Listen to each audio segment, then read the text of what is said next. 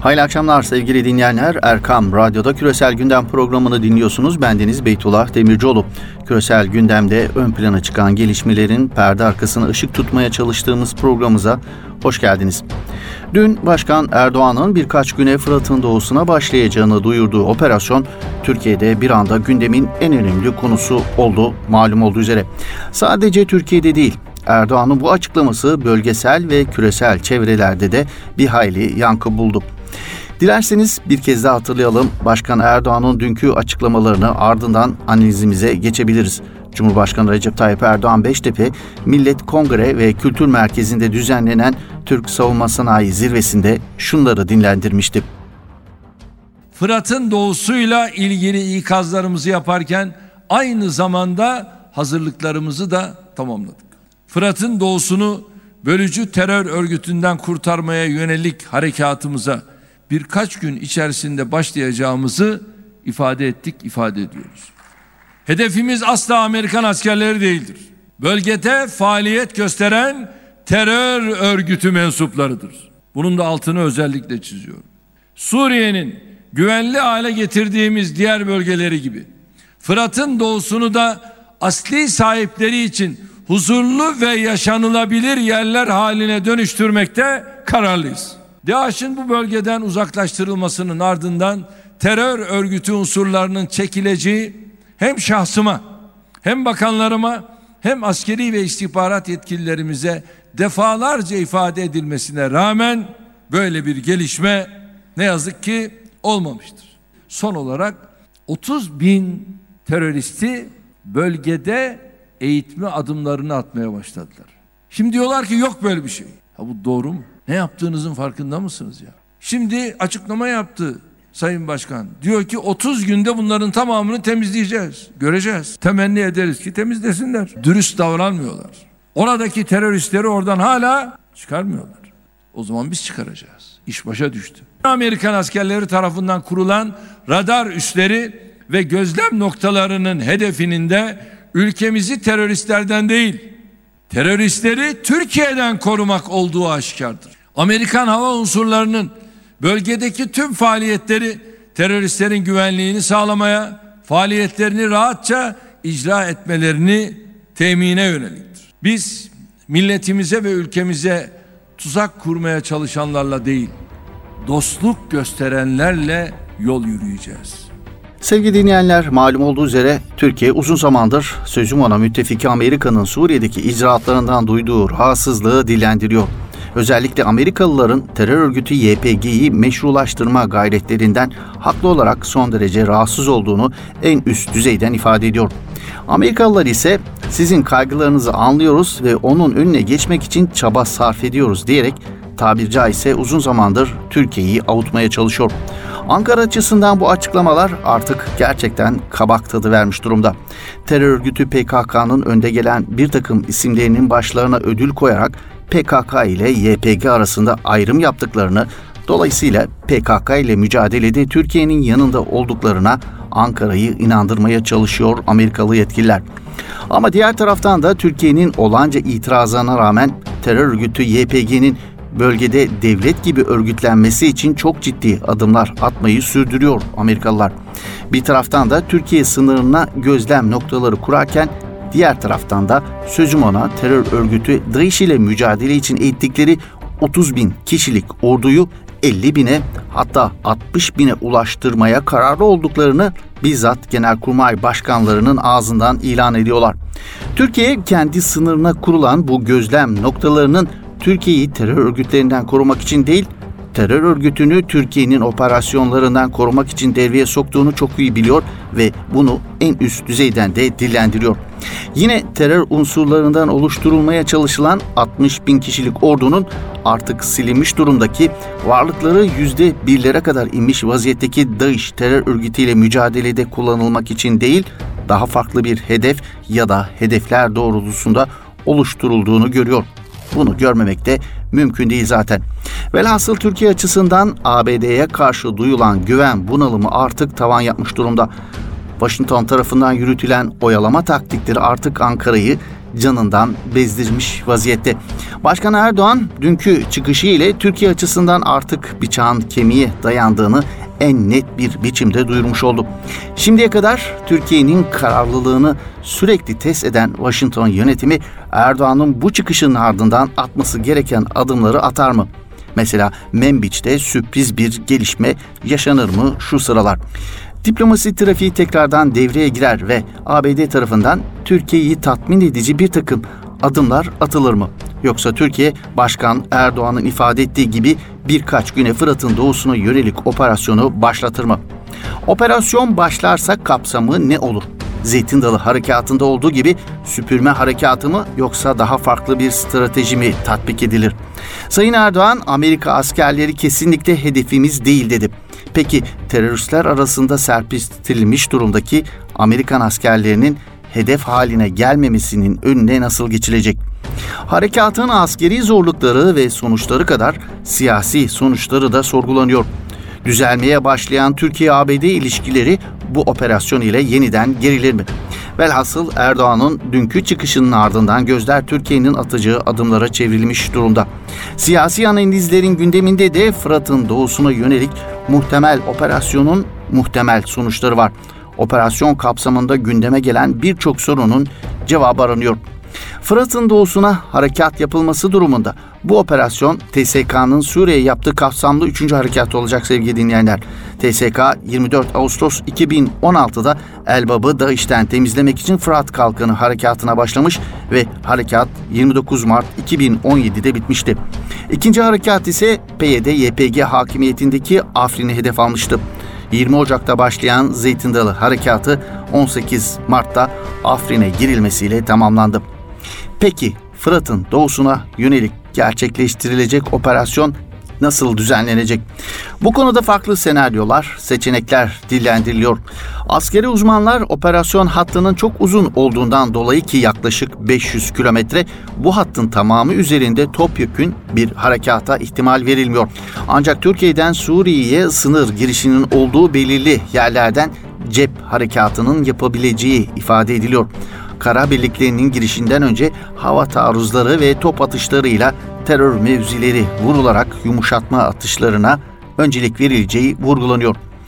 Türkiye Fırat'ın doğusunda ne yapabilir?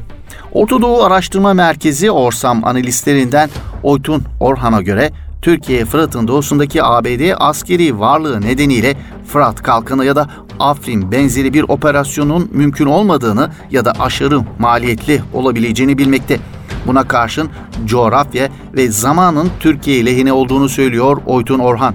Türkiye'nin bu noktada neler yapabileceğine ilişkin Oytun Orhan'ın analizinden aktarmayı sürdürelim sevgili dinleyenler.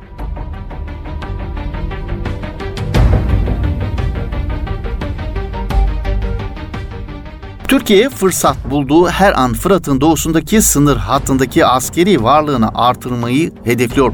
Türkiye'nin nihai amacı Fırat Nehri'nden başlayarak Irak sınırına kadar uzanan hattın belirli bölümlerinde YPG'den arındırılmış TSK kontrolünde bir güvenli bölge kurulması olabilir. Bu strateji kapsamında Türkiye uygun şartlar oluştuğunda sınır hattında yer alan bazı stratejik tepileri tutabilir.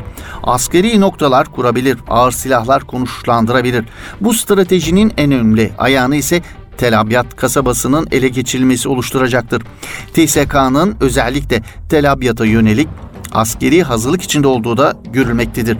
Tel Abyad'ın üzerinde uçaklar uçulması, Fırat Kalkanı bölgesinden 1200 özgür Suriye ordusu savaşçısının Tel Abyad karşısına yerleştirilmesi, Tel Abyad'ın karşısında Türkiye tarafında yer alan Akçakale'de yaşayan Suriyelilerin TSK ve Özgür Suriye ordusunun Tel Abyad'a operasyon başlatmalarını talep eden gösteriler düzenlemesi bunlar arasında sayılabilir. Akçakale Arapların yaşadığı bir şehir olması, halkının Özgür Suriye ordusuna yakın olması, sınırın sıfır noktasında yer alıyor olması gibi nedenlerle en rahat müdahale edilecek yerleşim olarak ön plana çıkmaktadır. Ayrıca Tel Abyad'ın Aynel Arap ve Kamışlı arasında bütünlük sağlaması, Türkiye'nin Rakka'ya açılan kapısı olması itibariyle nedeniyle jeopolitik önemi yüksektir. Tel Abyad'ın muhaliflerin eline geçmesi uzun vadede YPG bölgelerinin coğrafi bütünlüğünün sonlanmasını sağlayacaktır diyor Oytun Orhan.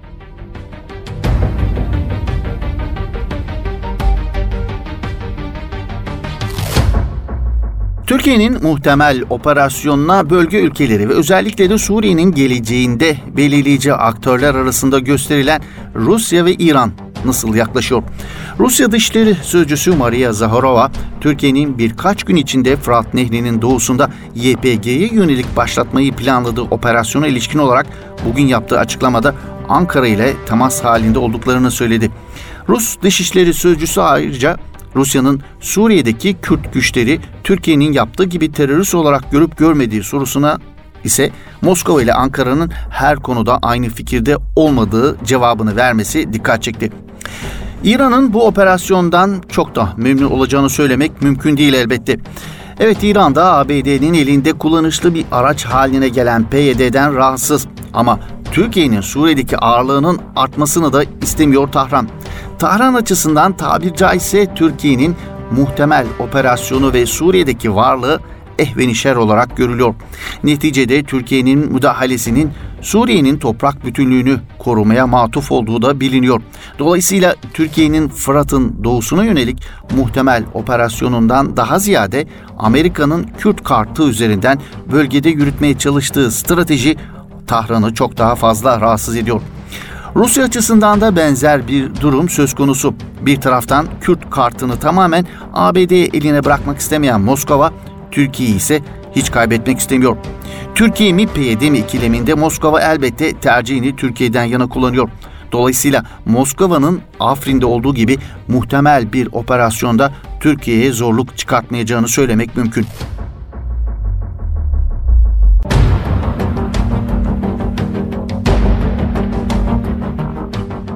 ABD Türkiye'nin Fırat'ın doğusuna yönelik harekatı hangi şartlarda kabul edilebilir bulur? Hangi bedel karşılığında endişe etmekle yetinir Washington yönetimi? Habertürk gazetesinden Nihal Bengüsü Karaca'ya göre Washington yönetimi şayet Türkiye'nin İran'ın çevrelenmesi stratejine katkı sağlaması halinde Fırat'ın doğusuna yönelik operasyondan o kadar da rahatsız olmayabileceğini dillendiriyor. Peki Türkiye yapmayı düşündüğü harekata ABD'yi razı edebilmek için ABD'nin İran'ı sıkıştırma ve kuşatma siyasetine yardımcı olmayı kabul eder mi? Karaca bu noktada şunları dillendiriyor. Böyle bir anlaşma İran'ın Suriye'deki çözüme tıkaç olma halini sona erdirse de insani ve ahlaki boyutu nedeniyle son derece ağır bir yüktür. Türkiye, emperyalist ABD'ye, gazeteci katili Suudi Arabistan'a ya da Filistin'deki zulmü herkesce bilinen İsrail'e komşu satacak bir ülke değildir. Ayrıca bu türden bir tercihin Rusya'dan nasıl bir tepki alacağını S-400'lerden Rusya ile imzalanan pek çok anlaşmaya darbe vuracağını da tahmin edebiliriz diyor Nihal Bengüsü Karaca.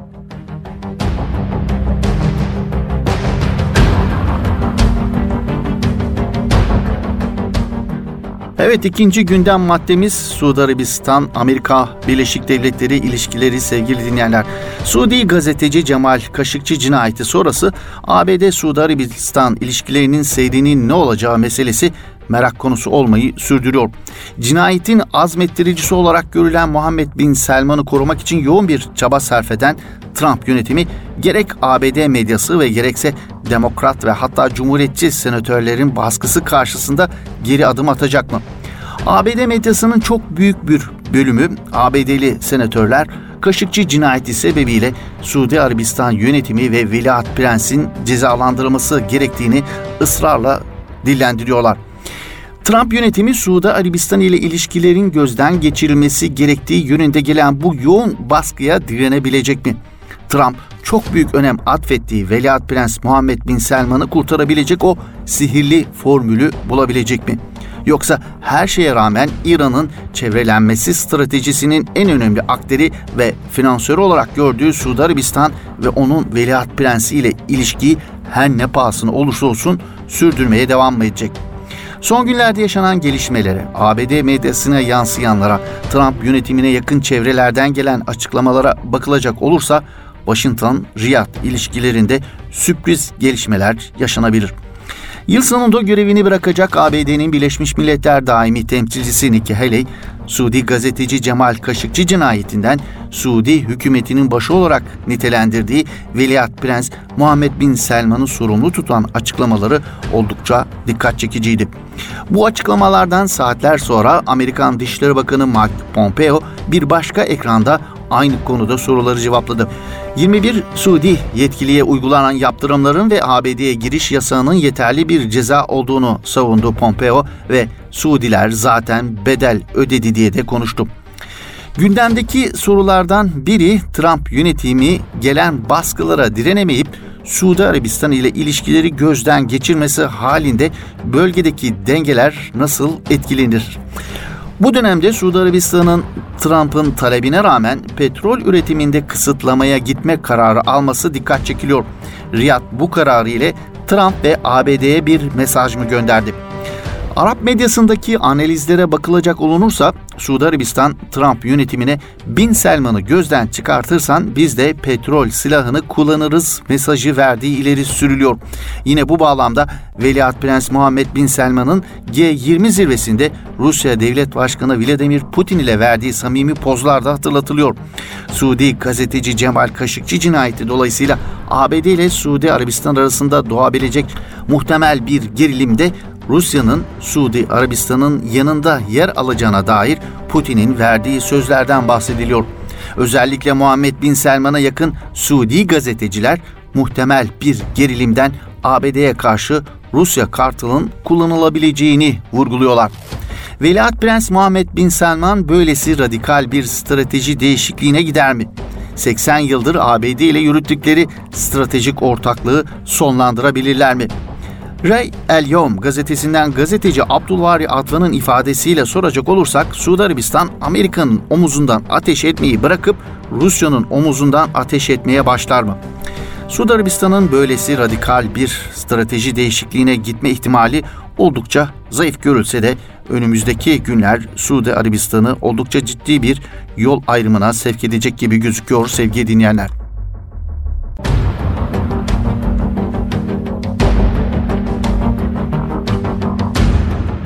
Evet Küresel Gündem programımızda bugünlük de bu kadar sevgili dinleyenler. Yeni bir Küresel Gündem programımızda yeni bir gündemle buluşmak ümidiyle. Hoşçakalın, iyi akşamlar efendim.